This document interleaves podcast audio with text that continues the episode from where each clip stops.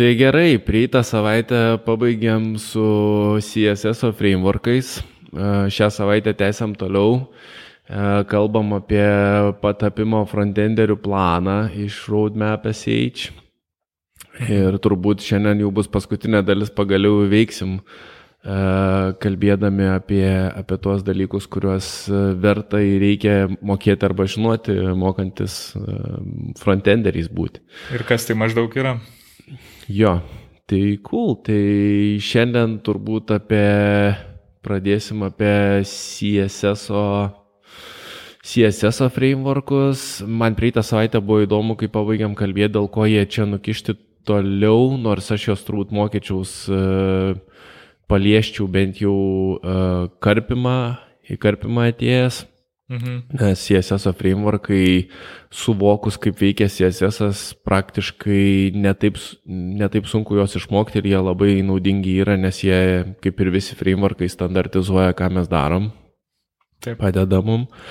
Um, ir dabar suprantu, kodėl jie čia padėti, nes E, vis tiek čia yra kalbama apie tą frontend developerį, kuris dirbs su JavaScript frameworkais ir iš esmės e, kiekvienas tas CSS frameworkas, kurie turi tik CSS klasės ir gal šiek tiek JavaScript labai minimaliai, ten kokį modalą parodyti ar kažką, jie čia šalia yra padėti mm, JavaScript komponentų bibliotekose. Tai iš esmės uh, E, tos komponentų bibliotekos jau turi iš karto paruoštą kažkokį komponentą, kuris jau turi ir CSS, ir funkcionalumą. Tai tarkim koks nors uh, buttonas ar, ar modalas, ar ten kažkoks tai toast messages iš karto išlenda jau ir su stilium, ir su kažkokiais tai uh, ar tai eventais, ar propsais, ar kažkuo, Aš tai, kas, kas triggerina ir datą duoda. Skaidyčiau į dvi dalis šitos dalykus. Čia mhm. m, iš tikrųjų mes va, praeitą savaitę palėtėm šiek tiek tą modernų CSS apskritai.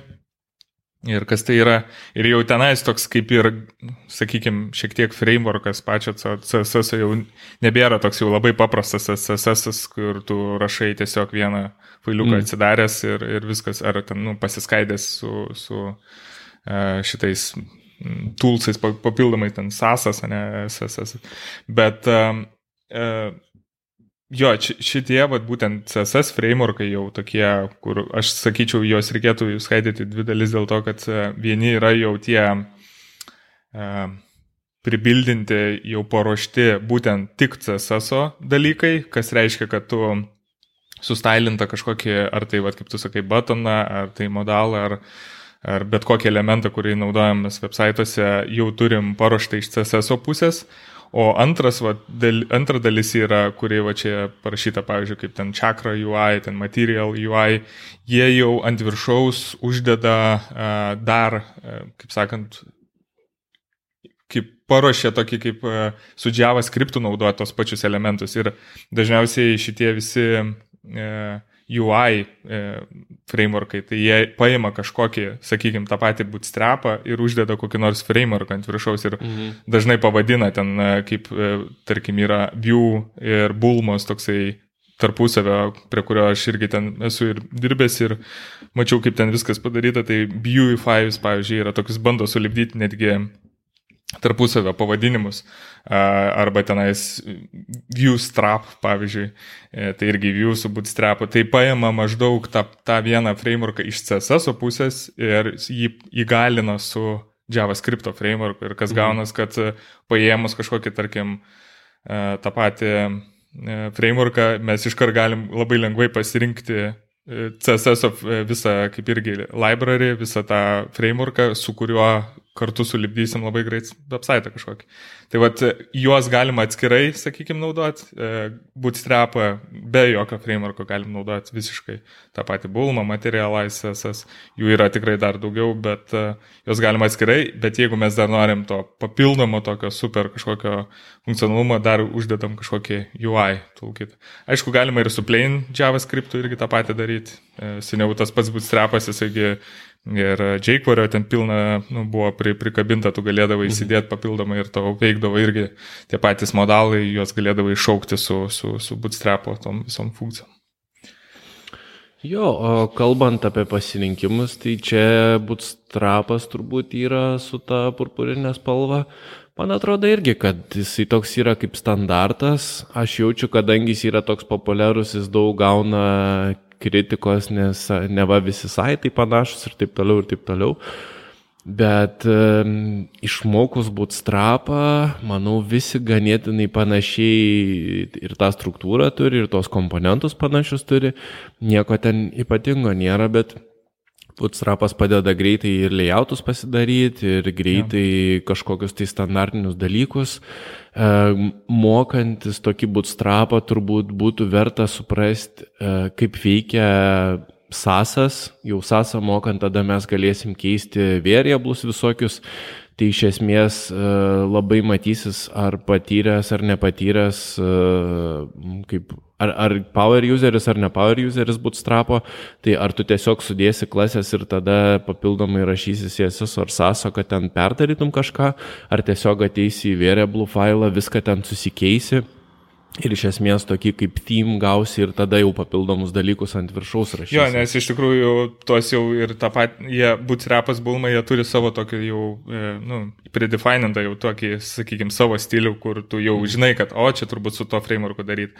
Bet jo, kaip tu sakai, jau, nu, galima labai pilnai perrašyti praktiškai visą tą, panaudojus tik tai pagrindinės klases išdėstymus, bet visus ten spalvas, kažkokius shadows ar dar papildomus dalykus jau gali perrašyti pas save ir pasidaryti, kaip irgi sakai, themą ir pritaikyti netgi, ta prasme, gali tai padaryti, kad net net pažinsi, kad čia yra su bootstrapo ar, mm. ar mhm. ten su bulma padaryti. Tai jo, gali tikrai pakeisti ir, ir, ir, ir yra tikrai ar sunkesnių būdų, ar lengvesnių būdų padarysi tą dalyką. Jo, o, pasirink, o tai pasirinkimas, aš manau, irgi pasirinki bus trapą, pramoksti, padarai kažką, viskas aišku, o paskui jau pagal situaciją tiesiog ką projektas naudoja, ką komanda naudoja. Šiaip tie... su, su bootstrapu dar tokį labai įdomų, e, kai mokinausi irgi e, programuoti, e, kolega vat, man pasiūlė, sako, jeigu nori taip, nu, giliau ir labiau suprasti apskritai, kaip CSS visi tarpusavį, kokių galbūt ne tai, kad hekų, bet, nu, kaip išsprendžia problemas e, jau profesionaliai, kur, sakykime, pritaikoma visiems websitams ir taip toliau, tai sako, atsidaryti pačio bootstrapais, kadangi vis tiek yra open source, jis matomas pilnai, atsidaryti jo source kodą, pasižiūrėti irgi, pasivaikščioti. Jis aišku dabar yra masyvus, ten labai daug failų ir failiukų, bet pabandyti suprasti, kaip vat, visi dalykai sudėlioti ir, ir kaip jie sprendžia, sakykime, sustailinimus, tos pačius e, e, variable kažkokius pritaikymus ir taip toliau, e, pradedi geriau suprasti patį CSS ir, ir, ir, ir kaip galbūt kažkokioje vietoje savo, jeigu rašytum dalyką, kaip naudoti ir, ir, ir nu, Tai čia turbūt bendra taisyklė yra žiūrėti kitų kodą. Atsimeni, seniau buvo tas e, video gan populiarus, e, ar jQuery, ar kieno source kodą žiūrėjo ir bandė aiškintis, kas ten veikia ir kaip. Jo, aš su Vue mačiau, su Vue mhm. čia esu mačiau, kur visą ėjo, e, visą source kodą Vue, grinai frameworką digestino, kaip sakant, step by step nuo entry pointo, kur vos ne init funkcija ir kaip mm. viskas tenai suvaikštų. Tai jo, labai įdomu iš tikrųjų tokie dalykai. Jo, dar turbūt reiktų apie Tilvindą pakalbėti, nes jisai toksai labai kažkiek kitaip sprendžia, bet labai fainiai problemas. Ar, ar nori, žinau, kad tau labai patinka Tilvindas? Nu, Tailwindas, jisai gal kom išskirtinis, jisai, nu, šiaip iš tikrųjų čia išskirtinumo super e, nėra nuo bootstrapo pagal klases stylinime. Nu, sakykime, mes ne kažkokį buttoną ar kažkokį elementą, mes tiesiog uždedam tas vadinamas utility klases, kurios e, keičia e, išvaizdą, sakykime, dedam ten P brūkšnelis ten 10, tai reiškia uždeda padingą 10 iš visų pusių. Jeigu dėsim ten P 10 ir po to P L, pavyzdžiui, P left būtų padingas iš kairės 10, o PR būtų iš dešinės, tai jau keičiasi. Tai, sakykime, keičiam pagal klases, tai utility klases, tai tiek ir bootstrapas, tiek bulma, jie naudoja tą patį, bet e, Tailwindas gal toks biški kitaip veikia, nes jisai toks labiau per JavaScript, sakykime, jisai yra suvalgomas ir labiau e, net nereikia jokio tokio kaip čia, nėra predefininto visiškai e, stiliaus, yra e, maždaug pagal ką pat, patys tie Tailando kurieji eina, tokia kaip, sakykime, tema, plus minus, bet jinai yra visiškai tokia, uh, nu, sakykime, kiekvienas žmogus gali visiškai savai pasidaryti, nes tai yra tik tai įrankiai duoti, kaip sustylinti. Pavyzdžiui, Bootstrapas, Bulma, jie duoda uh, klases, su kuriuom tu padarai, e, e, sakykime, batoną tokį, kokį tu matai pas jų e, dokumentaciją, o su Tailwindu tu gali kokį tu nori visiškai. Tu gali tą patį bootstrapo batoną pasidaryti su Tailwindu. Man, man įdomu buvo tas, kai um, Bootstrapas su kiekviena versija vis daugiau utility klasę turėjo ir, ir yeah. vis daugiau ten yra ir aš matydavau kokį projektą prišokį, kad žmonės net pasirašė yra kokius nors lūpus utility klasėm, bet Tailwindas pradėjo iš kitos pusės vien su utilities, bet kas atsitiko, tai dabar jie UI libraries taigi turi, jie jau yeah. turi buttonas, yeah. ten turi koks nors uh, uh, landing pages, dar kažkas, tai jie irgi pajuto, kad, uh, nu, kartais labai daug laiko užtrunka, o tu buttoną tiesiog nori batoną turėti ir viskas.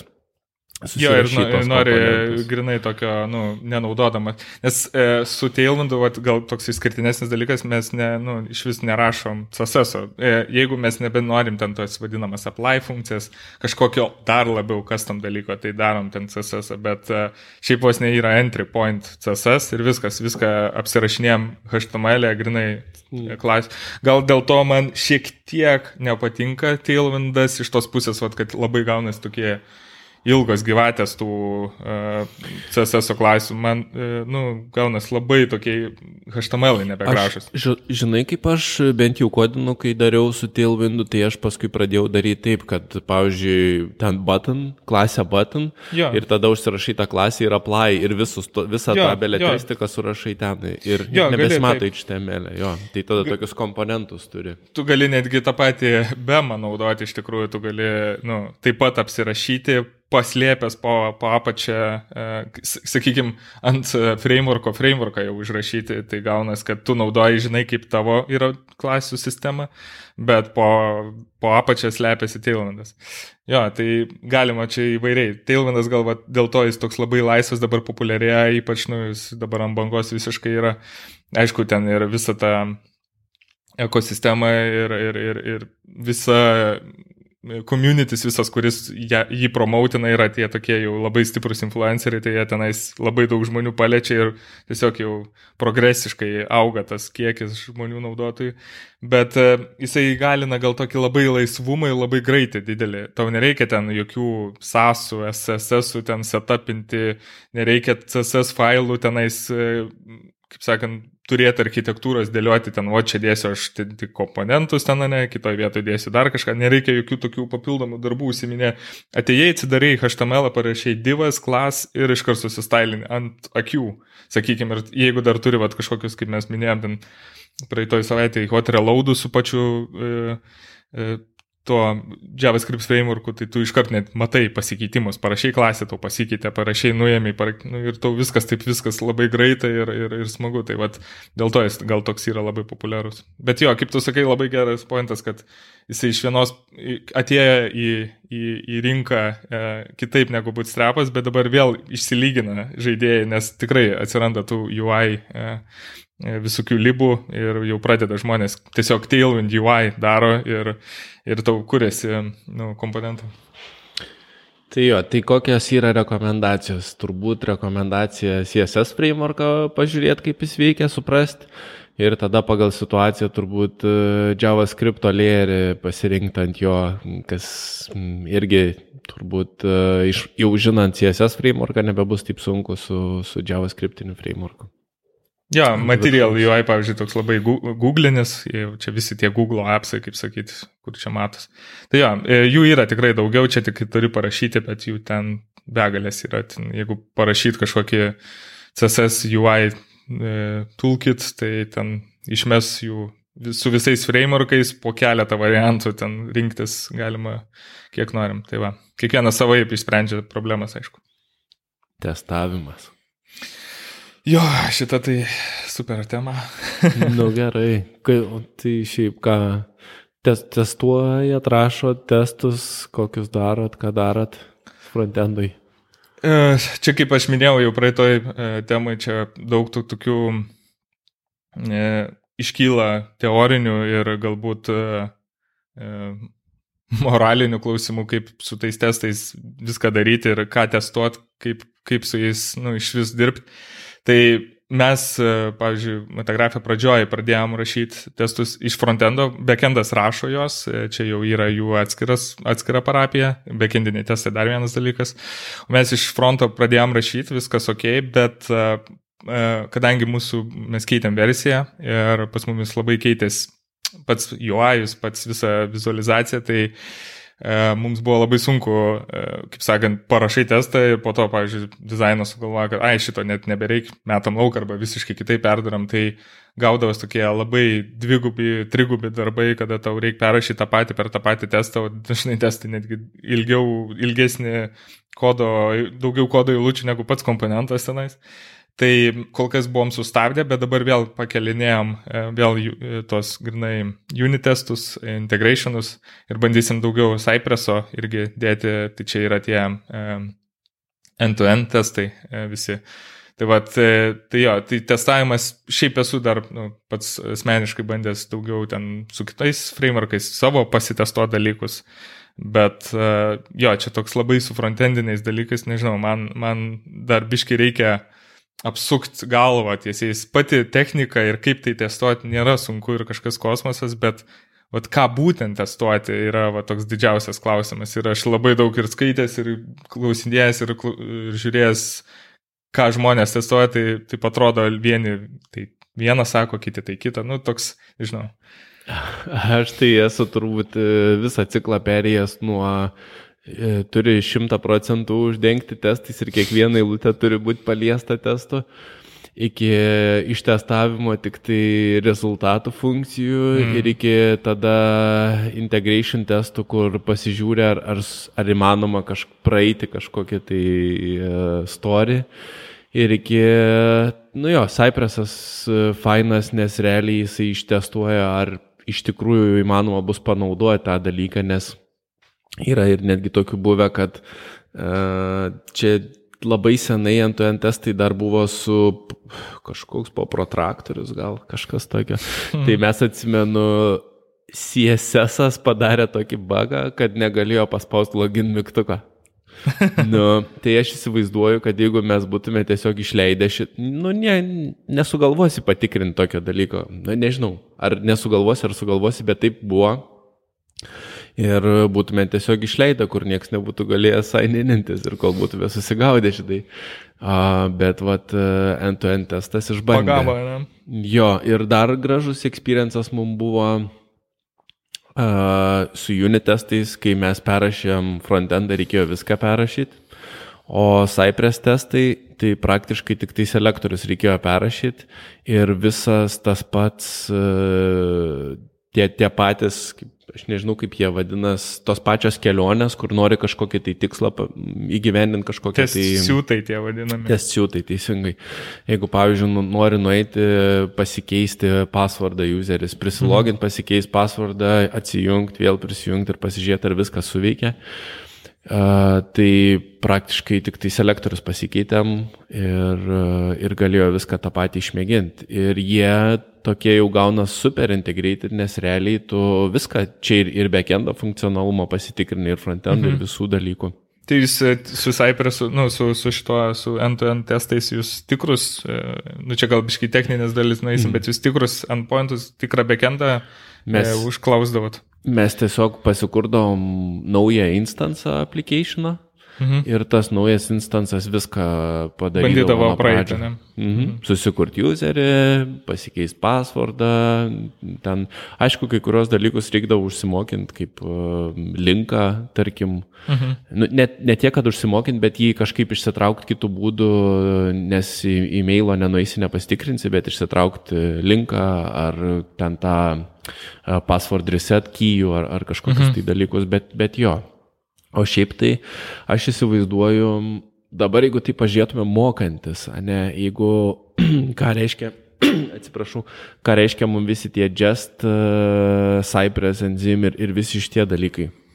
Tai aš įsivaizduoju, kad um, einant į pirmą darbą ir darant tą užduotį, kurią mes darysim, tai vis tiek būtų super nice bent parašyti kažkokius testus, super basic vieną kitą testą, kurie tiesiog parodytų, kad mes suvokiam, kas yra testai, kad mes mokam juos pasisetapinti, mhm. kad mes žinom, kam jie naudojami.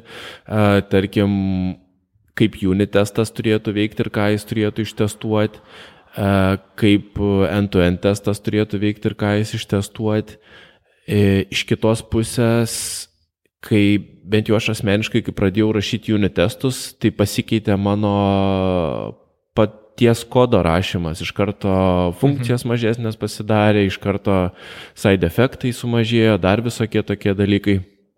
Tai aš, aš manau, kad super verta bent jau suprasti, kaip jie veikia ir Jo, kiti, kiti daro tą, kaip sakant, iš, iš pradžių testą rašo, po to netgi rašo patį komponentą. Tai tu test iš pradžių net, jo, test driventas developmentas, tai tu parašai testą, kad tau paspausi mygtuką, sakykime, kaip tie unit testai neatrodo, kad ten kažkokią funkciją išsikviečia.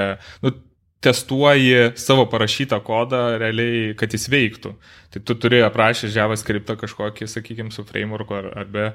Ir, ir tau reikia žinot, kad tikrai suspaudžius kažkokius, kažkokį eiliškumą tų visų funkcijų, jisai gražins tau tam tikrą rezultatą arba kažkas tai pasivaizduos ir taip toliau. Tai tie galbūt skirstimai ir yra ten unitai, jie labai susmulkinti ten vos ne iki vienos funkcijos, iki kažkokio metodo integrationas, tai jau, sakykime, kelių funkcijų tarpusavio bendravimas, e, end-to-endai, tai jau čia kaip tu at, irgi sakėjai, e, jau kelionė kažkokia didesnė, tai sakykime, jau nuo login page iki, sakykime, kažkokio home, kad vat, paspaudžiau login, gavau tenais, suvedžiau kažką blogai, paspaudžiau login, gavau erorą, suvedžiau gerai, patekau ir taip toliau. Tai, tai va tie visi testai, jie, jie realiai mokina, jo, kaip tu irgi sakai, gal geriau rašyti patį kodą, nes tie, kas daro va, tos test, test driven development, tai iš pradžių net pasirašo testą, po to daro kodą ir iškart testuoja, tai praktiškai gaunasi pasirašai testus, paleidai juos, jie neveikia, tada rašai taip kodą, kad jie veiktų tavo testai. Aišku, čia toks, nu, irgi e, kaip kas žiūri, čia tipo, kaip ir pati, e, e, kaip sakyti, ideališkiausia dalis, taip galėtum kodą rašyti, bet ne visą laiką tai būna. Ne, ne, ne, visi, ne visos situacijos iš tikrųjų būna taip, kad tu gali iš pradžių testą, po to. E, tai įvairiai tas testų rašymas vyksta. E, tai iš tikrųjų tie, vat, kas tie gestai, Cypress enzimai, tai jie yra irgi papildomi toolsai, papildomi frameworkai tiems testams rašyti. Čia kaip ir turim JavaScript ir turim Reactą, tai turim irgi, galim tos testą netgi pasirašyti ir pačiam su JavaScriptu gyvai, bet yra frameworkai, kurie jau tą viską daro už tave, jie tenais leidžia ir pafeikinti kažkokią datą, nes ne viską mes gal norim gauti, arba kažkokie, nežinau, tiesiog tie vadinami assertionai, kur tu įrašai, kad va, tas turėtų būti toks ir jisai tau true arba false gražina. Nu, žodžiu, yra visas frameworkų tokia irgi paletė labai didelė ir jų irgi įvairovė ten didžiausia. Jo, tai turbūt tie nauji čia, kur surekomenduoti yra, jie skiriasi nuo tų senesnių, kur čia apačioje surašyti pilkuose tuo, kad seniau iš esmės kad tu galėtum rašyti testus, reikėdavo daug atskirų bibliotekų susirašyti. Vieną biblioteką ranindavo testus, kitą biblioteką tuos assertionus, patikrinimus, ar kažkas taip gavos, kaip turėtų gauti. Mhm. Kita biblioteka, čia net neparašta Signon, jau Sinon ar Signon vadinasi, stabus, mokus ir feikus visokius darydavo. Ja. Tai dabar realiai paėmė gestą, kuris nereikia daro. setapinti, nieko daryti ir iš karto jis visus tos dalykus turi. Kas, ja. kas yra daug labiau palengvinantis reikalas, nes uh, ypač pradžiai tai susisetapinti gan sunku tos testus gali būti. Justas, ir, man atrodo, jisai yra irgi Facebook'o, ne? Facebook'o. Jo, jo, jo, jisai prie, prie reakto jau čia. Jo, tai va tai šitą, re, realiai visa šita keturių, e, keturi šitie frameworkai, tai jie daugiau reakto nu, aplinkai skirti dalykai. E, Justas, jisai overall yra. Justą mes ir backendą viskas. Taip, taip, taip, taip. Justas, jo, bet va, React Testing Library arba mm. Enzyme, tai jie jau labiau yra šito Reakto. Jo, komponentams kažkokiems, kad sukurti, nes, e, nu, e, ten irgi savo, savo sistemą ir kaip tie dalykai tenais renderinasi, kaip ten matosi, ką, ką JavaScriptas, ką tas pats testas mato realiai, kai užkuria tą patį komponentą, tai ten irgi padeda šitie enzimai visokie lengviau manipuliuoti pačių komponentų. Um, Cypressas irgi atskiras dalykas, su juo gali ar su frameworku, ar be frameworku tą patį daryti. Prasme, tu apsirašai tiesiog visą tą eiliškumą, kelią. E, ir, ir realiai kas gaunasi, ten sukuria fake browserį ir tu gali net matyti tą vaizdą, kaip e, pats, sakykime, kompas e, spaudinėja ir, ir, ir eina tavo visą to keliu ir, ir, ir daro visokius actionus. Tai labai taip irgi iš tikrųjų įdomu. Gal jie lietoki kažkiek tie testai, nu, mm. nu, jeigu jų ten jau daug parašai, tai žiūri nuo aplikacijos dydžio, bet ten gali suktis labai ilgai. E, aš net mačiau, kur ten skaido tos testus į, tikrai nedaro vieno e, kelio, o ten paskaido, pavyzdžiui, vieną kažkokią integraciją, pavyzdžiui, pa, pa, pa, patestuoja kitą, trečią, ne, nedaro visų, nes kartais nereikia tiesiog visko. Jo, jo, ir Jo, tai yra ir, ir randomly ranina, yra ranina, kur tik tai liečia kodą, kuris buvo pakeistas, visokių tų strategijų yra, nes end-to-end testai yra lieti, jo. Iš esmės, bent jau seniau atsimenu, žmonės kalbėdavo, kad ten 90 ar 80 procentų testų turėtų būti unit, e, tada integration testų turbūt 10 procentų ir ten 2 procentai ar kažkiek turėtų būti end-to-end testai. Kas yra tiesa, nes iš esmės e, man tai idealiausias end-to-end testas yra pasikurti applicationą ir prisiloginti, ar susikurti user ir prisiloginti viskas. Jeigu tu tą gali padaryti, tai reiškia kritinis funkcionalumas veikia tavo saito. Vadinasi, jisai susibildina ir jisai veikia ir dažnai tiek užtenka patikrinti, kad tu visiškai nesulaužiau, o ten kiti bagai jau gal bus ištestuoti ir išgaudyti kit, kitų. Jo, ir yra ta labai tokia irgi plona linija, kur, kaip sako, pavyzdžiui, jeigu frameworką kažkokį, tarkim, React View naudoji, kad netestuoti jo funkcionalumo irgi per, per testus, nes labai irgi gali perliptą tą ribą ir pradėti testuoti, ar ten surenderina kažkokį dalyką, tai jau tai, tai veikia, nes pats frameworkas tą daro ir jisai jau jo. irgi yra ištestuotas internali. Bet e, jo, čia toks, nu, reikia tiesiog daryti ir matosi tada, ką testuoti, kas labiau. Aš tai manau, testai, nu, toks, kaip sakyti, juos rašai ne tiek, kiek uh, dėl, nu, kaip, kaip čia pasakyti, kaip čia suformuoluoti geriau, jie nėra tokie kaip kai tu rašai kodą, jie aišku padeda tau iš, iš, išspręs kažkokių bugų, bet jie galbūt labiau yra e, taikomi ateities kažkokiems kodo rašymams. Nes e, kai tu on the go kažkokį darai integration features, tai jo, tu, tu ką tik kaip sakant, karštai pasitestavai, žmonės testuoja, testai protestuoja, viskas ok, bet po laiko kažkiek praėjus, sakykime, ten mėnesio ar kažkas, tu jau būni pamiršęs, žmonės būna pamiršę, kas ten buvo daryta, netgi tu pats, kuris darėjai tą kodą, rašiai, jau būni pamiršęs, kas ten parašyta.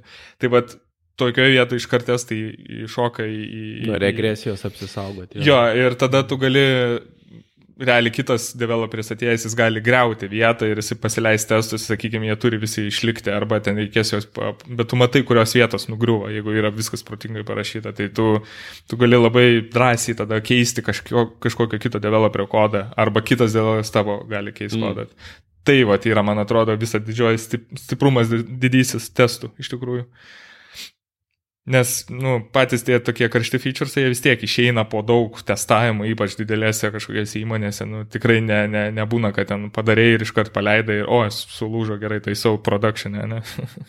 jo, tai turbūt galim ir pabaigti apie testus, ne? Apibendrinimui mokytis reikia testus, reikėtų mokėti bent jau basic testus parašyti, jeigu portfolio rodydami savo githubus turėsit bent jau pasietapintus ir kelis testus parašytą kurie parodo, kad jūs suvokėt, kas yra testai ir suvokėt jų naudą, tai iš karto busit e, visą galvą aukščiau už, už visus kitus entry, entry levelio ja. devus. Ir dažnai ne, ne tik už entry, bet ir už juniorus. Jo, dokumentacijos irgi labai gan aiškios, mm. paprastos, tikrai iki pirmo testo daryti, tai tikrai ne, nebus sudėtinga. Plus naudojant kokį Create React app, jau yra vienas testas parašytas, tai jo. tu tiesiog dar parašai komponentam ar kažkokiam kritiniam. Pradėti, tiesiog pratesi, tau visas jau yra environmentas padarytas, tau nereikia net nieko instaliuoti ja. papildomai, tiesiog turi jau testus. Dedi dar vieną failą ir toliau rašai ir viskas. Ja. Nu, judam toliau. Ja, progressive web appsai. Ar, ar į type checkerius eina į dešinę ten tą rodiklį? Ai, nu čia gal jo, čia, ai jo, čia tokie, reikia ryškiom, ryškiom linijom, tai tikroji keliu eiti, ne? Nu. Tai taip, čia skriptas. Kaip taip. tavo yra santykiai su TypeScript? Uh, vis labiau ir labiau e, įsimylėti baigiu jau, e, nes iš tikrųjų taip, tai labai galingas dalykas TypeScriptas ir jisai tikrai irgi praktiškai didžioji dalis jau įmonių irgi bando nu, persiorientuoti į TypeScriptą kaip jau tiesiog standartą, sakykime, netgi net ne, ne, neberašyti jau to plain JavaScript. Nes tai tiesiog, e, jis jau gaunas kaip automatinis testų rašymas, praktiškai jau kažkokią dalį tu pasidengi e, rašydamas kodą, tiesiog sutaipinta gerai. Tai kas yra iš vis tie taipai, ne?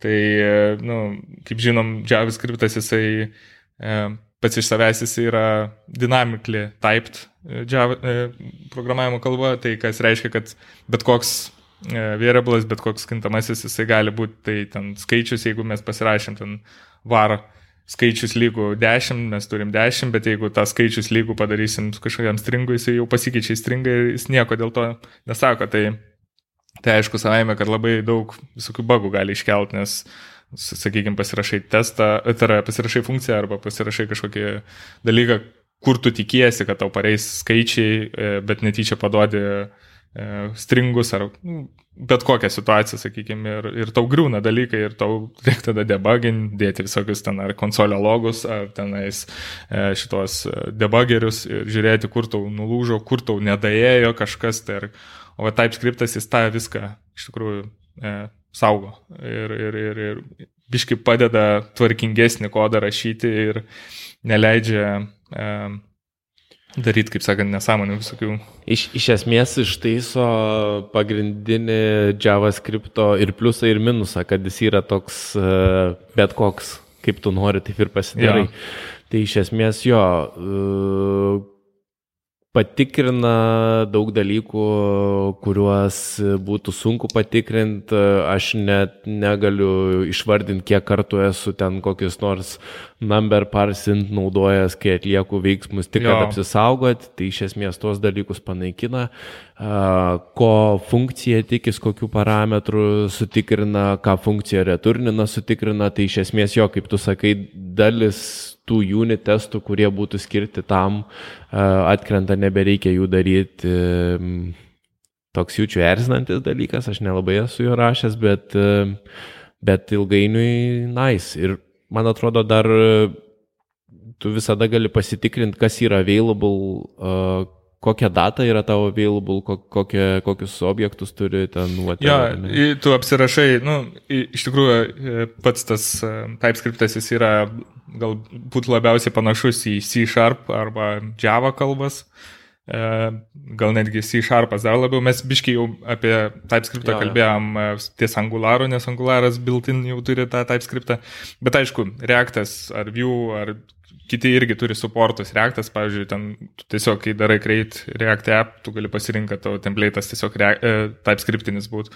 Ir tau vietoj .js bus viskas .ts ir tu jau automatiškai rašai TypeScriptą. Aišku, tai užsideda papildomą papildomas toks lėris, sakykime, papildomi NPM package, kas nu, reiškia, kad galbūt šiek tiek ilgiau gali kai, kai kurie dalykai suktis, bet tai taip, iš tikrųjų tai e, lengvina dalykus ir Ir, ir, ir, ir, ir ką aš dar norėjau, kažkokia buvo labai gera mintis, bet pamečiau frameworkuose, prisigalvojau dabar.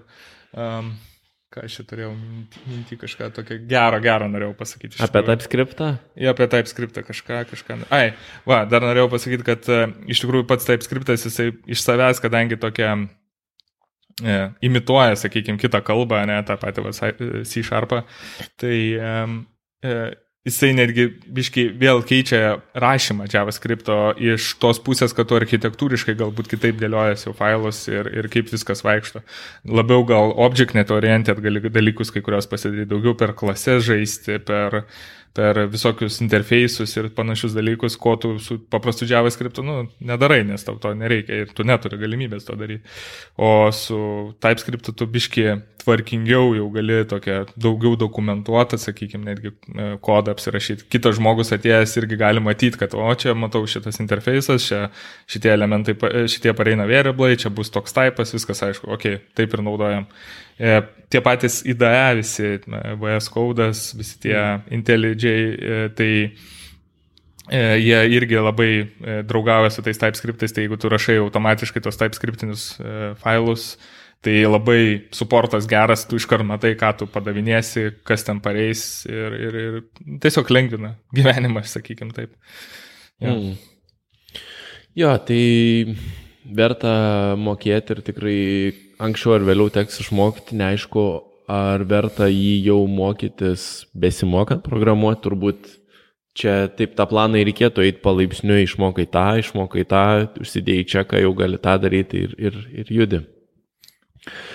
Tai vertas ir teisingas, apie flow nieko negaliu pasakyti, nežinau. Flow tai jisai realiai, toks, sakykime, man atrodo, jisai gal dabar vat, bijau pameluoti, čia toks jau fakt, e, čia ką reikėtų daryti, bet e, man atrodo, jis anksčiau biškai už TypeScript atsirado, bet jis praktiškai tas pats, jisai irgi yra taipinimo lėris, e, tau tiesiog padeda taipinti, bet jisai dar kitaip ten kažkaip, nu, toks irgi su compile time viską mm. tikrina ir, ir, ir žiūri. Tai labai daug nesiskiria, tiesiog TypeScriptas galbūt labiau uh, populiarus, didesnis ir, ir aiškesnis, geresnė dokumentacija, didesnis community. Tiek Flow buvo kaip, kaip koks jQuery'is, prieš tai buvo JavaScript'ui, bet atsirado kažkas mandriau ir, ir viskas. Mm. Ir tiesiog užges. Jo, tai gerai, tai toliau judam progresyv web apps. Tu, jo, čia pilka varnelė uždėta. Uh, aš įsivaizduoju, kad čia yra, man tai kai atsirado, kai pradėjo pumpuoti Google'as visus tos feature'us, tai žiauriai fainiai buvo ir aš daug jų išmėginau. Ir kai kuriuos, aišku, pavyko pritaikyti e, savo projektuose, ypač service workeriai, notificationai, dar kažkokie dalykai. Dabar matau, kad jų daug daugiau yra. Aišku, užknisa, kaip ir kalbėjom, turbūt jau kad e, iOS neimplementina šitų dalykų, tai jie tokie yra, ne, kaip ir cool, kaip ir useful, bet ne, ne visada. Bet man įdomi, kaip čia išskirsto į tos dvi dalis, kad vienas toksai kaip, nu, sakykime, susijęs daugiau su tais ne, progresyve appsais, visi, nu, kaip pasakyti, čia taip išskaido į dvi dalis, bet kaip ir viskas kartu, bet to pačiu kai kas, pavyzdžiui, using Lighthouse, using DevTools. Tai čia tikriausiai yra debuginimas ir... Bet tai tu web developmentą darydamas tą patį naudoji. Tai taip įdomiai. Performance. Metrikai. Ai, nu jo, jo, kad jie yra pakišti pro, po progressive web apps. Nu, jo, nu, tai, jo. Tai Lighthouse'as jis ir buvo patikrinti, ar, ar tavo websitas yra PWA compatible, ar, ar jis yra, bet paskui jisai tapo toksai kaip ir performance checkeriu, kaip ir Page Speed, kažkas tokio. Jo, tas Lighthouse'as dabar abu du suplakti į vieną. Nu, tas pats irgi service workeriai ir, ir, ir nu, labiau man gal prie to progresyv websocketai. WebSocket tai, tai tiesiog yra no. informacijos apsikeitimo būdas. Tai vat, sakau, taip įdomiai padėliota čia taip iš tikrųjų. Bet gal čia jo. tiesiog papildomi API, kaip sakant. Mm -hmm.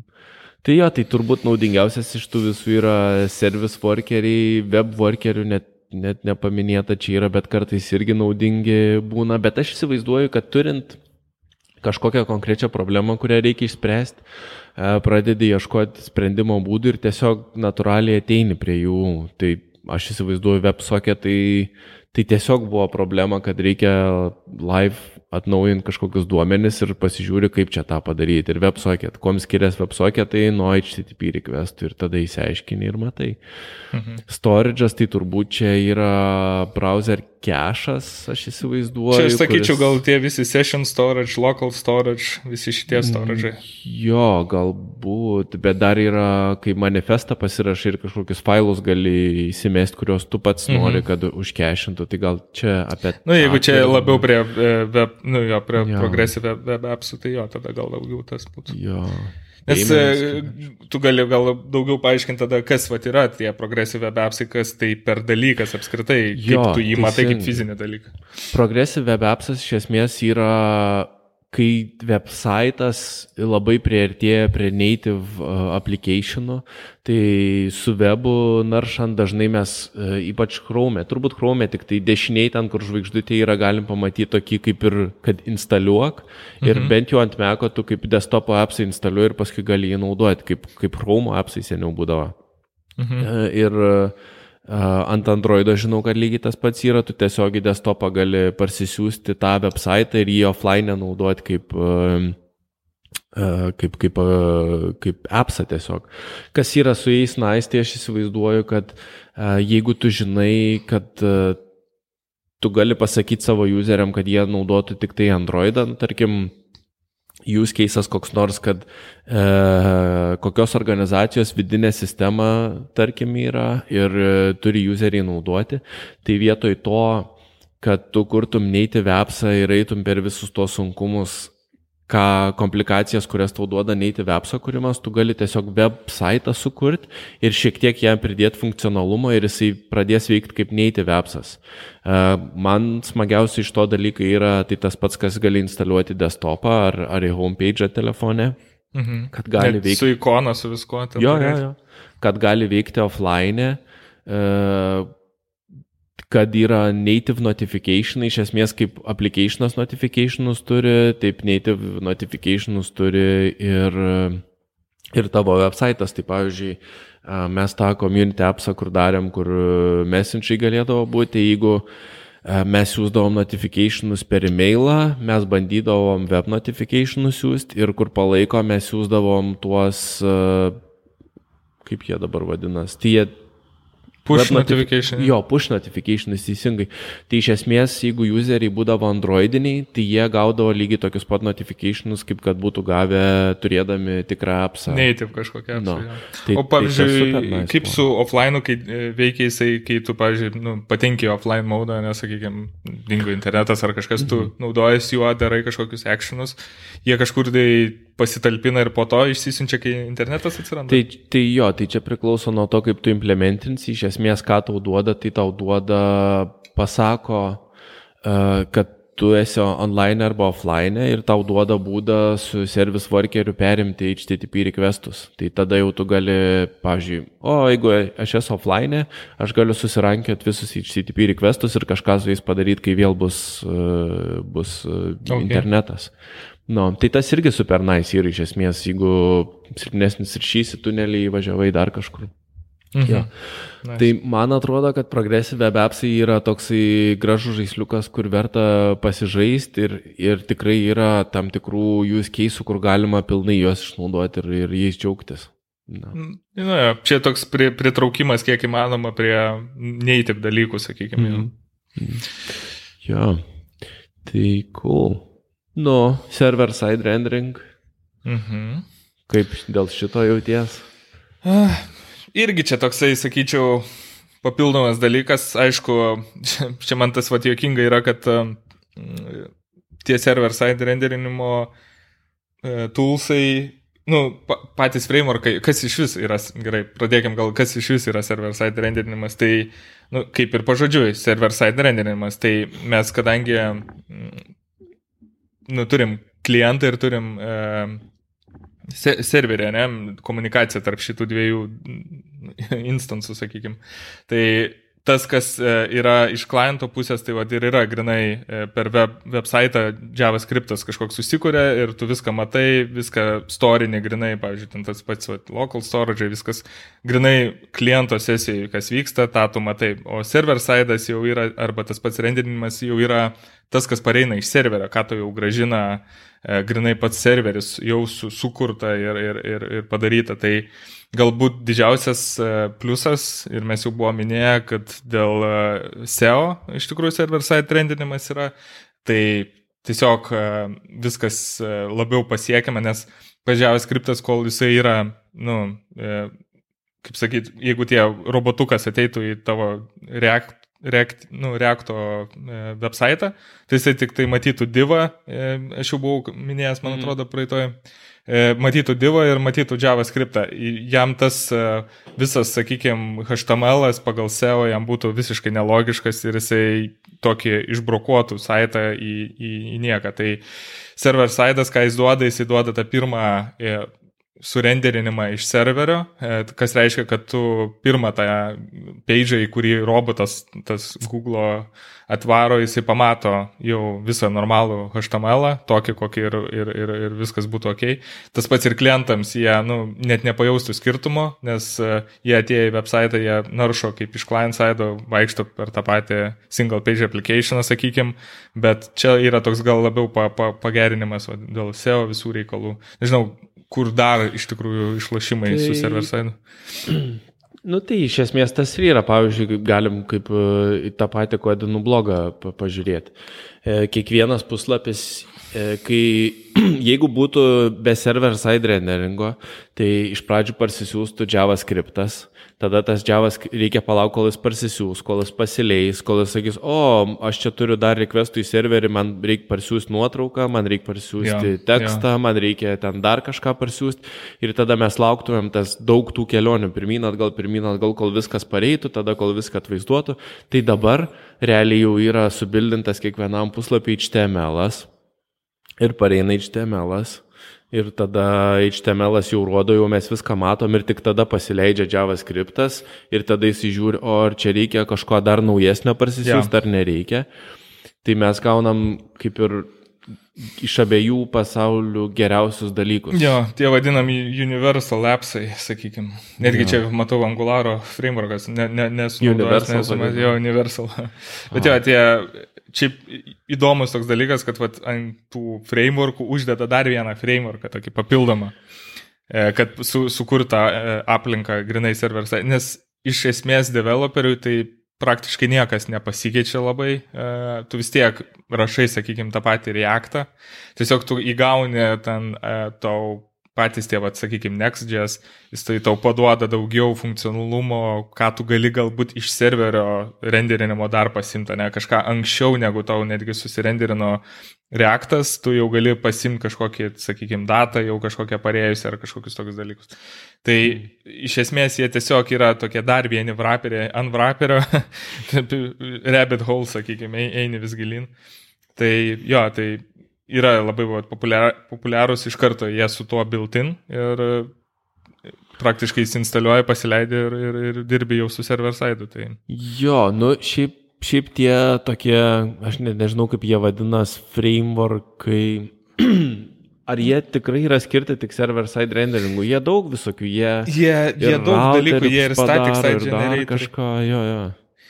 Aš nesu labai didelis jų mylėtojas. Jeigu reikia tik tai renderinti serverį, aš manau, kad galima pačiam pasidaryti, bet aišku, tada uh, visokių tokių panašių metafunkcijų, kur uh, jeigu aš esu serverį, tai padaryk kažką, jeigu jo, aš esu ne serverį, tai duoda tokius dalykus turbūt.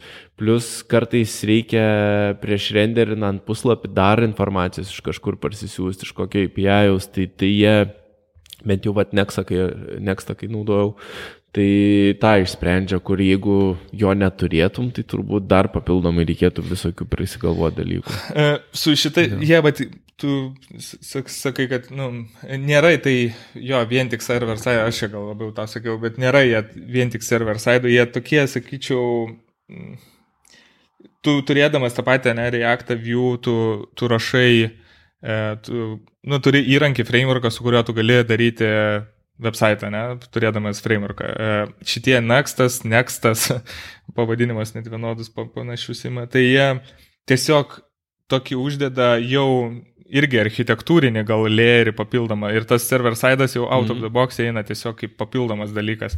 Bet va tai irgi šiek tiek jau tave pradeda apriboti, nes uh, tu iškart prarandi kontrolės tais kai kuriais dalykais, pavyzdžiui, ten tas pati VPECO konfiguracija, routeriai visokie, jie jau šiek tiek paslėpti yra po tam tikrais uh, lėriais ir tu nebegali taip, taip lengvai, pavyzdžiui, kažkokių daryti dalykų, kurio tu gali, kai tu rašai visiškai native, e, tą pasiemęs, pavyzdžiui, paprastą tą patį React Create app mm. ir viskas.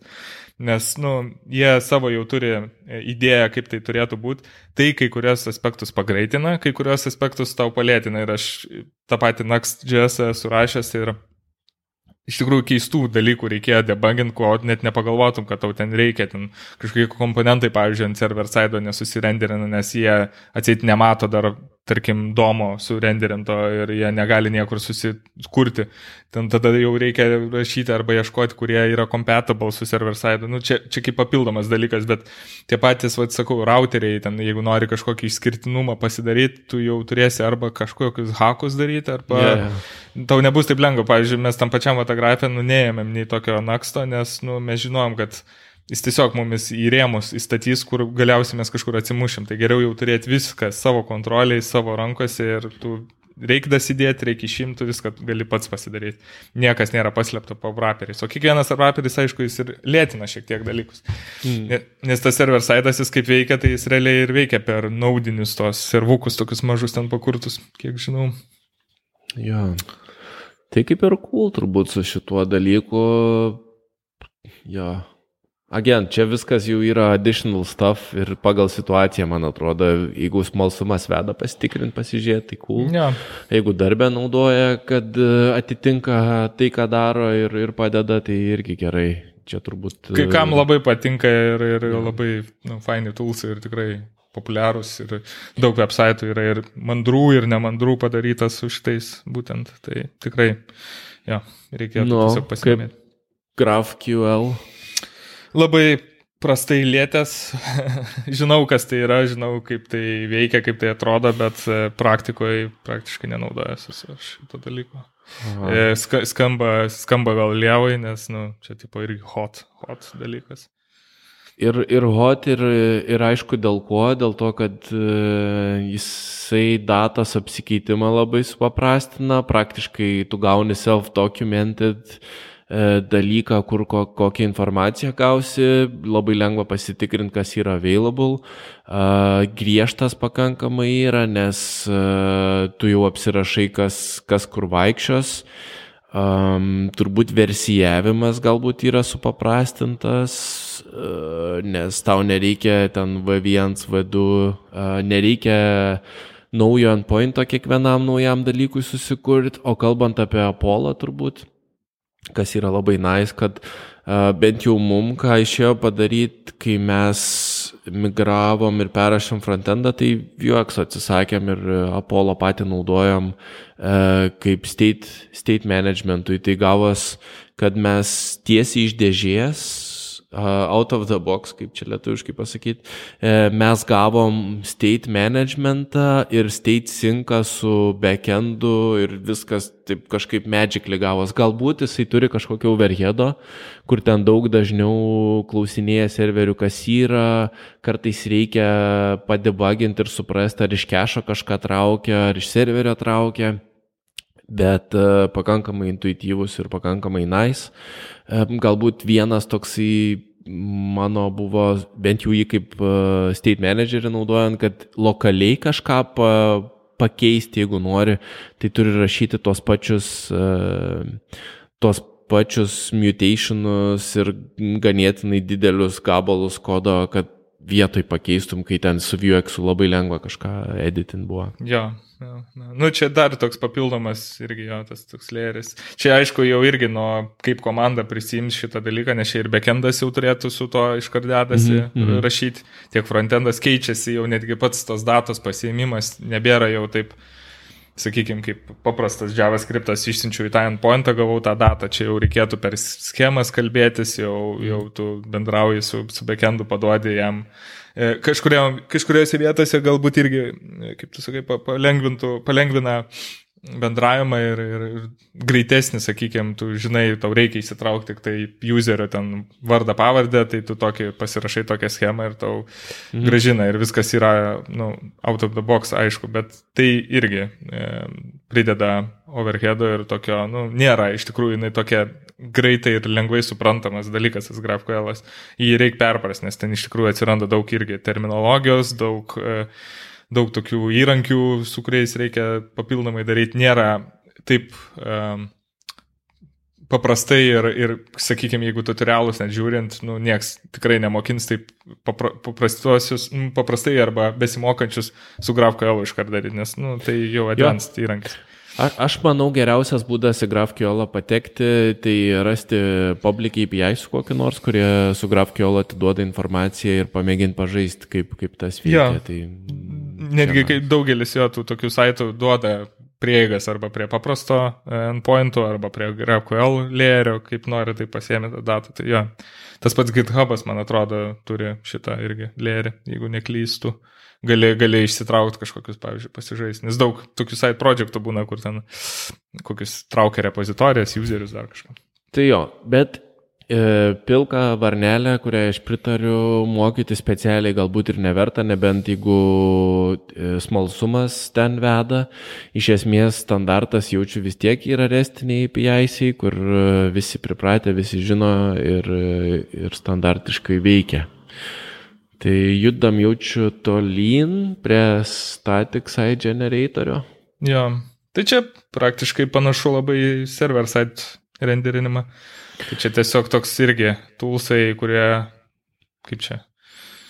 Vat ir matos, kad netgi tas pats nekstas yra prie to pačio pridėtas, nes... Um... Jo, Iš esmės tai galim greit aptarti, mano, mano nuomonė yra super nice dalykai, aš jau nuo labai senai Jekyllą naudojau yeah. blogui, tada perėjau prie ViewPresso, Kas man labiausiai patinka, tai yra tai, kad uh, iš esmės tu turi sugeneruoti HTML, labai paprastas hostingas, labai paprasta managint, uh, nėra kažkokių tai dependencijų ar, ar versijų ar kažko, nereikia brangaus serverio kaip kokiam WordPress'ui ar kažkam. Ir labai dideliai daliai uh, tokių reprezentacinių saitų visiškai užtenka, tam pačiam blogui visiškai užtenka. Aš nemažai turėjau visokių tokių e, čia mūsų įmonė, čia apie mus ir tiesiog jos arba iš visai HTML'us padariau, arba padariau vat, su kažkuo tokiu, kad pačiam būtų lengva pakeisti. Um, ir dar yra toksai buzzwordas Jamstack turbūt, apie kurį prisiminti, tai mes galim po truputį vis daugiau pridėti funkcionalumą šitiem dalykam, Jeigu mums reikia, vat, pavyzdžiui, kaip, kaip kodinų yra komentarai, mes galim juos e, asinchroniškai pasikviesti kažkokį servisą, įdėti komentarus. Jeigu reikia kažką editint, įmanoma pasidaryti CMS tam editinimui. Aš turiu tiesiog rašau markdowno failus, papušinu į gitą ir tada susibildina ir išeina nauja versija puslapio. Um, Tai, tai jie yra super nice ir daugumai puslapį mes galim juos naudoti tam, kad kontentą lengvai valdyti.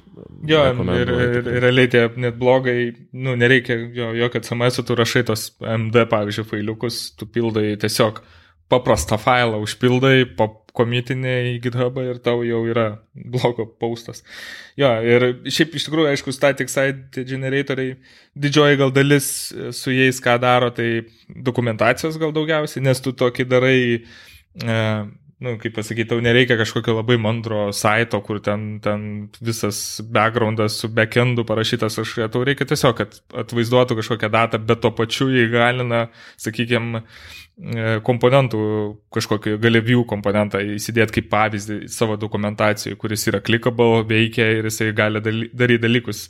Lygiai taip pat, nu, tiesiog vat, paprastiem blogams ar, ar, ar, ar kažkokiem tokiem paprastiem portfolio reprezentaciniams saitams. Su jais jau kažkokio mandro appso nedarysi tikrai, nu, ten, sakykime, nežinau, saso kažkokio, tai tikrai jie aš jaučiu, tam... Aš jaučiu, kad visai galėtum padaryti. Tu galėtum, aišku, tu ir patį Nextą pasijėmė ar Gatsby. Faktas, gali faktas, daryti. Gali, nu. Su bet kuo, bet ką gali daryti, žinai, kai aš mačiau netgi su CSS chatą buvo padaręs. Nu, va, dar geriau. Tik su CSS, su plain CSS net nebuvo jokio JavaScript, tai chatą, kur du žmonės gali bendrauti tarpusavį. Yeah. Tai Tai padaryti galim Ex, extreme, jo. Ja, bet e, tiesiog kiekvienas įrankis savo turi tokią nišą ir dalykus, dėl kurių jisai yra sukurtas. Nu, jis Mm. tiesiog sprendžia kažkokią, kažkokį papildomą nu, keisą. Jo. Um, atsimenu, kas, kas jau galutinai man Džekilą pardavė originaliai, tai kai kažkas parodė, kad e, Baltų rūmų blogas yra su Džekilu padarytas, tipo White House blogas Džekil Run ir tipo jau ranina ten daug metų. Tai, O sakau, Džekilas okay, tenais sold. irgi MD, kas tenais behind the scenes sukasi? Uh, Ruby. Ai, Rubis tenais. Jo, Ruby ir, kažkokia ir atsimenu, kad- Shopify'us tas likvidas yra kalba. Jo, atsimenu, kad ten Template'am. kažkokia kita kalba buvo. Jo, jo, jo. Mhm. Tai gerai, tai mobile applications, React Native, žiūrėk tik React Native beliko. Ionic dar yra. Ką, kaip tu jauties apie šitos dalykus? Mm, nu, čia iš tikrųjų kietas dalykas iš tos pusės, kad tu realiai gali rašyti, nu, sakykime, appsą, kurį tu parsisiųsi per e, mobile store, bet tu rašai su JavaScript.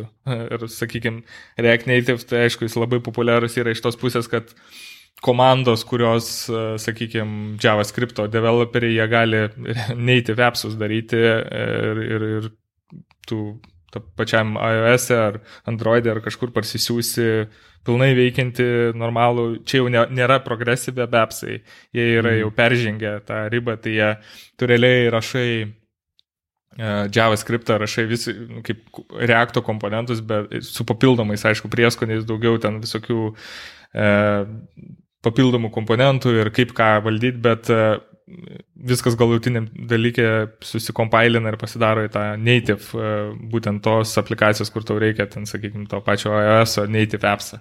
Tai kažkiek yra limitacijų, aišku, bet iš tikrųjų labai daug yra ir nu, išspręsta, tai tau nereikia mokintis papildomos kalbos, nereikia kaip iOS-ams, ne Swift'ą mokintis, Android'ams ten Javos mokintis, tai tu gali iš karto rašyti tą pačią kalbą ir, ir kai kurios keisus išsprendžia. Ir turiu vat, irgi draugą, kuris rašo, grinai visas, visas jų darbas tiesiog va, dirba su React Native ir kuria appsą, bet su JavaScript.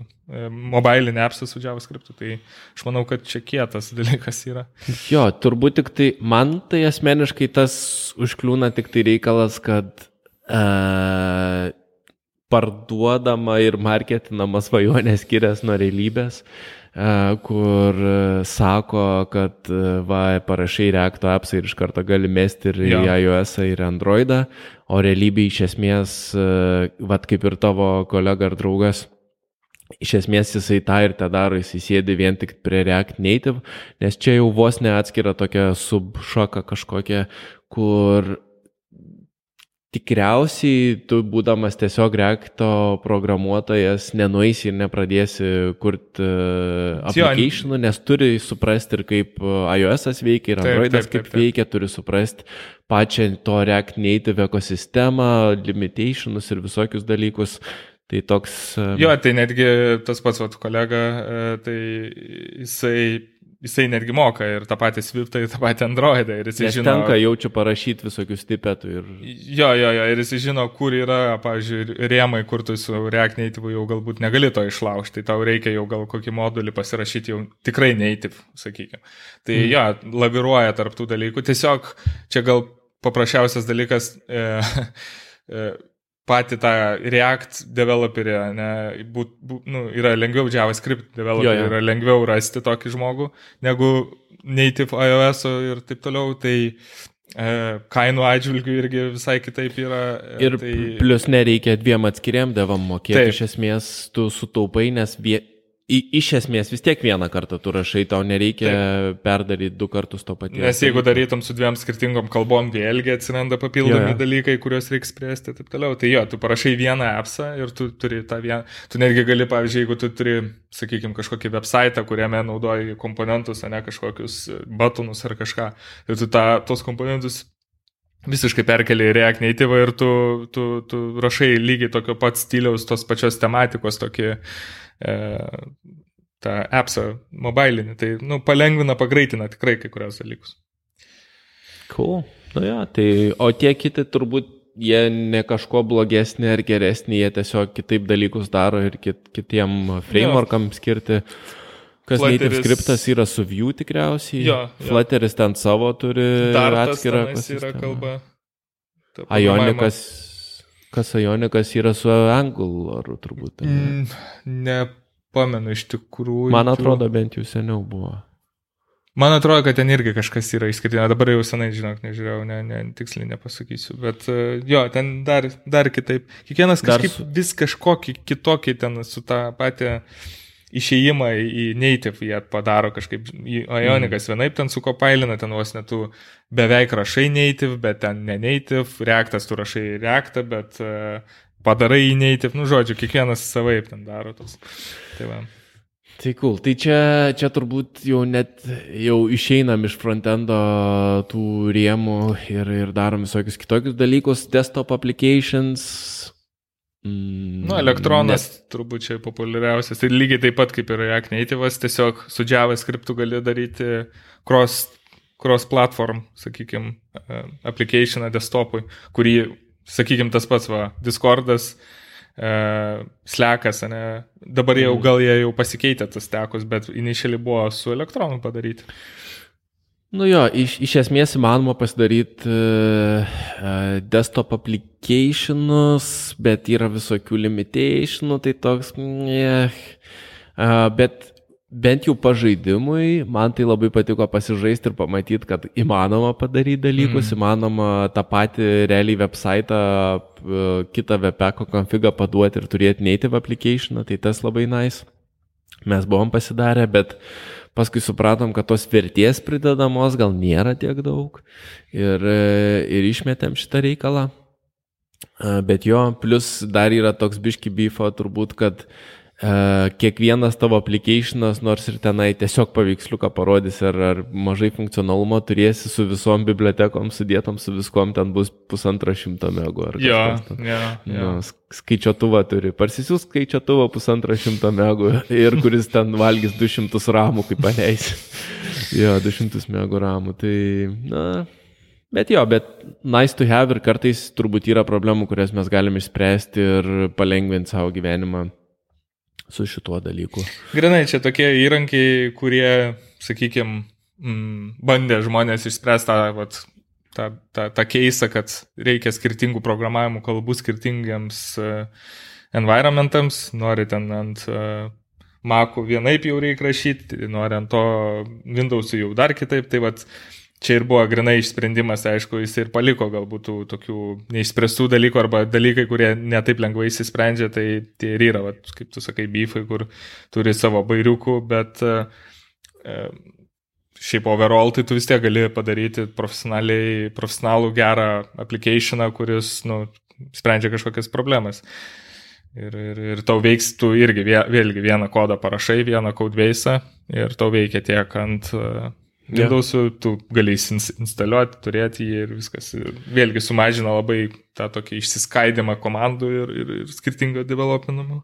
Jo, aš tai įsivaizduoju, kad vis tiek webas eina link to ir va, žiūrint į WebAssembly, kad jis vis arčiau ir arčiau native daiktų ir iš esmės tokių desktop applicationų, native applicationų galbūt mums ilgainiui ir net nebereiks Ir kai kurie dalykai, kaip Google pušiami progresyvė apsai ir dar kažkas, kaip ir rodo, kad mes praktiškai labai, labai mažai jūs keisų, gal kažkokie ten skaičiavimų intensyvių turintis dalykai ar, ar, ar kažkas, ar performance reikalaujantis bus native, bet pažiūrėjus į WebAssembly, tai iš esmės mes galim turėti su C ar C++ ar, ar kažkokiu labai greitai veikiančią kalbą parašytus dalykus ir jos browserį leisti, mhm. tai iš esmės ir tas jau yra išsprendžiama. Tai aš įsivaizduoju, būtų galima kokį AAA žaidimą browserį turėti, laisvai, jeigu tik norėtum. Praktiškai jo, tai jau dabar yra, kur su Unity, pavyzdžiui, padaryti žaidimai, tiesiai website atsidarai, netgi parodo logo, kad su Unity pakurtas, bet website žaidė pilnai su visu to.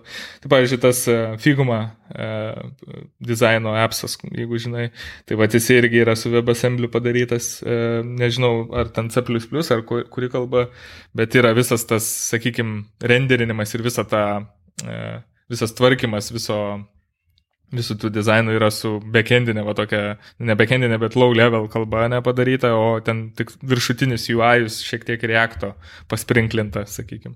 Bet e, jo, įdomis toks irgi sprendimas. Iš esmės jisai tada vienodai gerai veikia ir browserį, ir kaip turbūt tas native appsas ir yra koks nors elektroninis, e, elektrono appsas ar kažkas tokio. E, ne, tas native appsas ne, dabar iš tikrųjų net nežinau, ar jisai nebus tikrai native, nes, nu čia sakykime, kaip kokį autokedą, nes įsikeltum į webą ir dar uždėtum kažkokių UI elementų, ką tu galėtum paklikinti, bet uh, behind the scenes tau veiktų tas pats Photoshopas, tu įdėk sukurtą Photoshopą, kuris yra su visiškai ten kitokiam technologijom padarytas, bet tu jį gali užkelti ant, ant webo, kad tau JavaScriptas paranintų. Tai, tai, tai aišku, čia jau yra labai super advanced dalykai, čia, čia dar reikia suprasti šitos.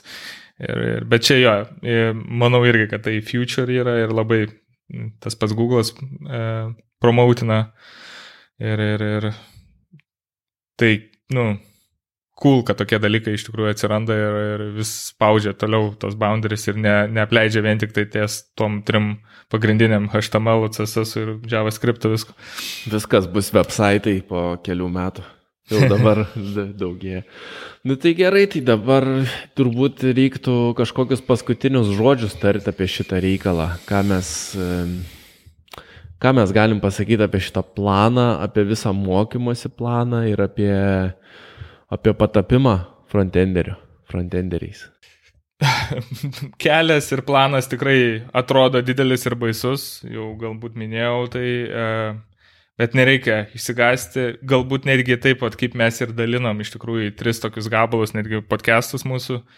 Tai tokiais tarpais ir mokintis vieną gabalą pasiemus, įsigilinti, daugiau pasižiūrėti, pasižiūrėti, kaip ten viskas veikia, jaustis jau gerai toje vietoje, tada imti jau sekantį, galima kažkiek pamaišyti, galbūt kai kas netgi besimokant tiesiog greičiau išlys pagal tą visą kelią, čia nebūtinai yra toks visiškai teisingas eiliškumas, nes kai papuolė į tą Stack Overflow ir visokį Rabbit Hole, tai ten viskas išlenda, visi pavadinimai ir visi dalykai. Tai tiesiog, nežinau, e, reikia nebijoti, kad tiek daug yra dalykų, galbūt tai netgi gerai, kad uh, tiesiog gali rinktis daugiau, nėra vienas ir tas pats dalykas ir tau parašiai neveikia ir nežinai, kaip išspręs, gali panaudoti kitą įrankį ir taip toliau. Tai jo, tai tiesiog step by step, e, kiekvienas kiekvienas įrankis išmokstamas, labai gerai dokumentuoti, ypač čia aprašyti dalykai, nėra kažkokie undergroundai, viskas aišku, plačiai naudojama ir tikrai rasit, rasit minčių, kaip, kaip ką pasidaryti. Tai. Jo, aš įsivaizduoju, kad e, toks planas yra labai geras, nes tada nesiblaškai ir nėra to fear of missing out ar, ar kažkokių dalykų, kur, o ne, čia kažkur aš paskaičiau, kad šitą reikia mokėti ir dar šito nemoku. Ir iš esmės iš, iš kiekvienos kategorijos, tarkim, ten frontendo frameworkas ar build toolsai ar dar kažkas, praktiškai vieną išmokus jau yra gerai, kiti dalykai bus panašus, e, nereiktų jaudintis, kad kažko neišmokom ir įsivaizduoju, kad atėjusi darbą, atėjusi projektai, komanda, dažnai tie sprendimai jau bus už mus padaryti žmonių daugiau patirties turinčių. Kartais tie sprendimai yra padaryti grinai iš pragmatinės ir praktinės pusės, kad kažkoks įrankis labiau tinka tai situacijai. Kartais iš e, asmeninių meilių ir nemeilių yra padaryti, bet tai nėra taip svarbu ir turbūt pat, pačiam mokantis atsiras tos meilės ir nemeilės. Mm. O, o svarbiausia tai tiesiog um, jo pramokti Aš visada rekomenduoju kuo anksčiau pradėti ieškotis darbo, e, nes, agent, darbę greičiau mokė, mokinsimės, darbę turėsim realių pavyzdžių, su kiekvienu daiktu svarbu, ką nors subildinti ir įsidėti į portfolio, išmokau karpį dizainų, sukarpiau dizainą įsidėjau, pramokau reaktą, su reaktu pasidariau, įsidėjau. Ir tą patį projektą netgi galima paskui, tarkim, išmokau reaktą, tada einu mokytis testų, tam pačiam projektui testus parašiau ir taip pabiški lipdyti, lipdyti ant viršaus. A, a, svarbiausia turbūt nesiblaškyti ir nešokinėti ir vieną dalyką pramokti ir išmokti.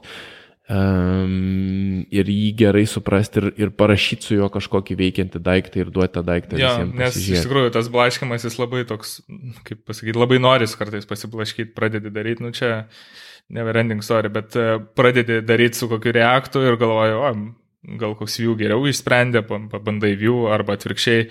E, jo, labai norisi, nes kadangi tiek tokia didelė paletė ir tiek daug visų tų pasirinkimų, norisi tiesiog pasibandyti. Ir šiaip jo, kaip tu sakai, reikia bandyti darytis ir tiesiog turėti tos e, savo projektukus, kad ir kokie, aš netgi mačiau ten vieną tokią, e, kaip Hašeras iš tokios didelės kompanijos rašė, kai atrinkinėja žmonės, kad nereikia bijoti, kad e, net ir neužbaigti projektai tam pačiam GitHub'e sėdi, pavyzdžiui, galbūt nėra iki galo pabaigta ir ten pilnai jau išdirbtas dalykas pradėta ir tiesiog pamiršta, bet tai, kas jau yra padaryta ir jeigu jau buvo pušinama į tą patį GitHubą jau daryta, tai jau yra kažkiek kodo, kažkiek patirties, kurią galės darbdavys e, pasižiūrėti ir matyti, kiek tu jau galbūt daėjai e, iki mokindamasis kažkokį vat, papildomą įrankį. Tai jo, nereikia bijoti, kad, oi, aš čia tik tai jeigu Facebooko kito nepa, pušinsi į GitHubą, tai nieko ir nepušinsi. Ne, darai, ne, nebepatinka, galbūt atsibodo, nori kažką kito palikai, bet svarbu turėti tų repozitorių daugiau, turėti ką parodyti, sakykim. Taip. Jo. Taip. Tai ar, ar keistum ką nors tam plane, ar, ar atrodo kas nors tam plane out of... Ar, ar tarkim, atsiprašau, sakyk. E, ne, iš tikrųjų nekeičiau, čia aišku, jisai e, jau kaip ir buvo, e, mes buvom paminėję, kad tai labiau yra opinionated ties reakto, ne, ir reakto environmentu, tai čia tiesiog gal toks niuansas, bet šiaip iš esmės tai čia, man atrodo, labai pilnas ir labai aiškus kelias. Net, net, net ne, nepildyčiau nieko čia iš tikrųjų. Jo, ir, ir taip pat ir žiūrint, tarkim, Lietuvos rinkoje ir situacijoje, manau, kad irgi visi tie patys dalykai tinka ir aplaina. Labai Lietuvoje irgi yra reaktas užkariavęs viską, e, reikia reakto visiems. E, galbūt aš, man, man vienintelis yra dalykas dėl to, kad aš atėjau iš to dizainų karpimo pasaulio ir tada perėjau į JavaScriptus.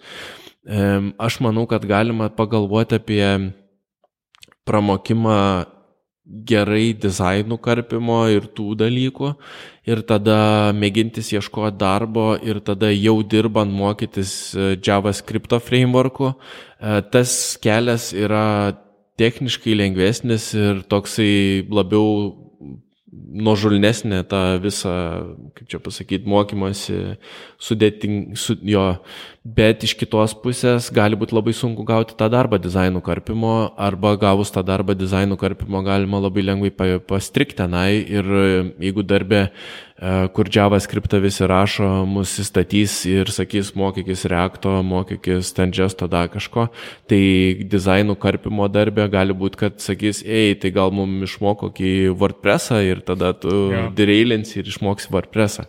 Tai ja. man to galima prisigauti. Um, bet šiaip jo, e, frameworko išmokymasis bet kokiu atveju uh, pagerins šansus, nu, tikrai daugiau uh, E, darbų rasti, e, nes nu, iš karto jau darbdaviai matys, kad tu jau, nes nu, tikrai jau retas, kuris modernesnis, sakykime, ar tai startupas, ar kažkoks appsas jau dirba su senom technologijom, arba turi kažkokį legas. Yra visokiausių, aišku, dalykų, bet, e, bet vis tiek tie, kurie yra modernus ir, ir, ir žiūri moderniai, tai jie dažniausiai ir mokės kažkurį iš šitų grandiozinių frameworkų ir, ir tiesiog kaip defaultas gausis, kad tu patenki į tą patį kokteilį ir kartu su visais malėsi tenais. Ir, ir čia, man atrodo, neišvengiamybė tiesiog yra. Ja. Tai jau turbūt bitinam aplinkui į krūmą, e, tikriausiai laikas ir užbaigti šitą. Ne? Taip, taip, pagaliau įveikėm tą visą mūsų kelią ir smagu toliau. Apie kažką kitką šnekėsi. Tai gerai, ačiū tau, Vytautai. Ačiū, kas klausė, iki visiems. Iki.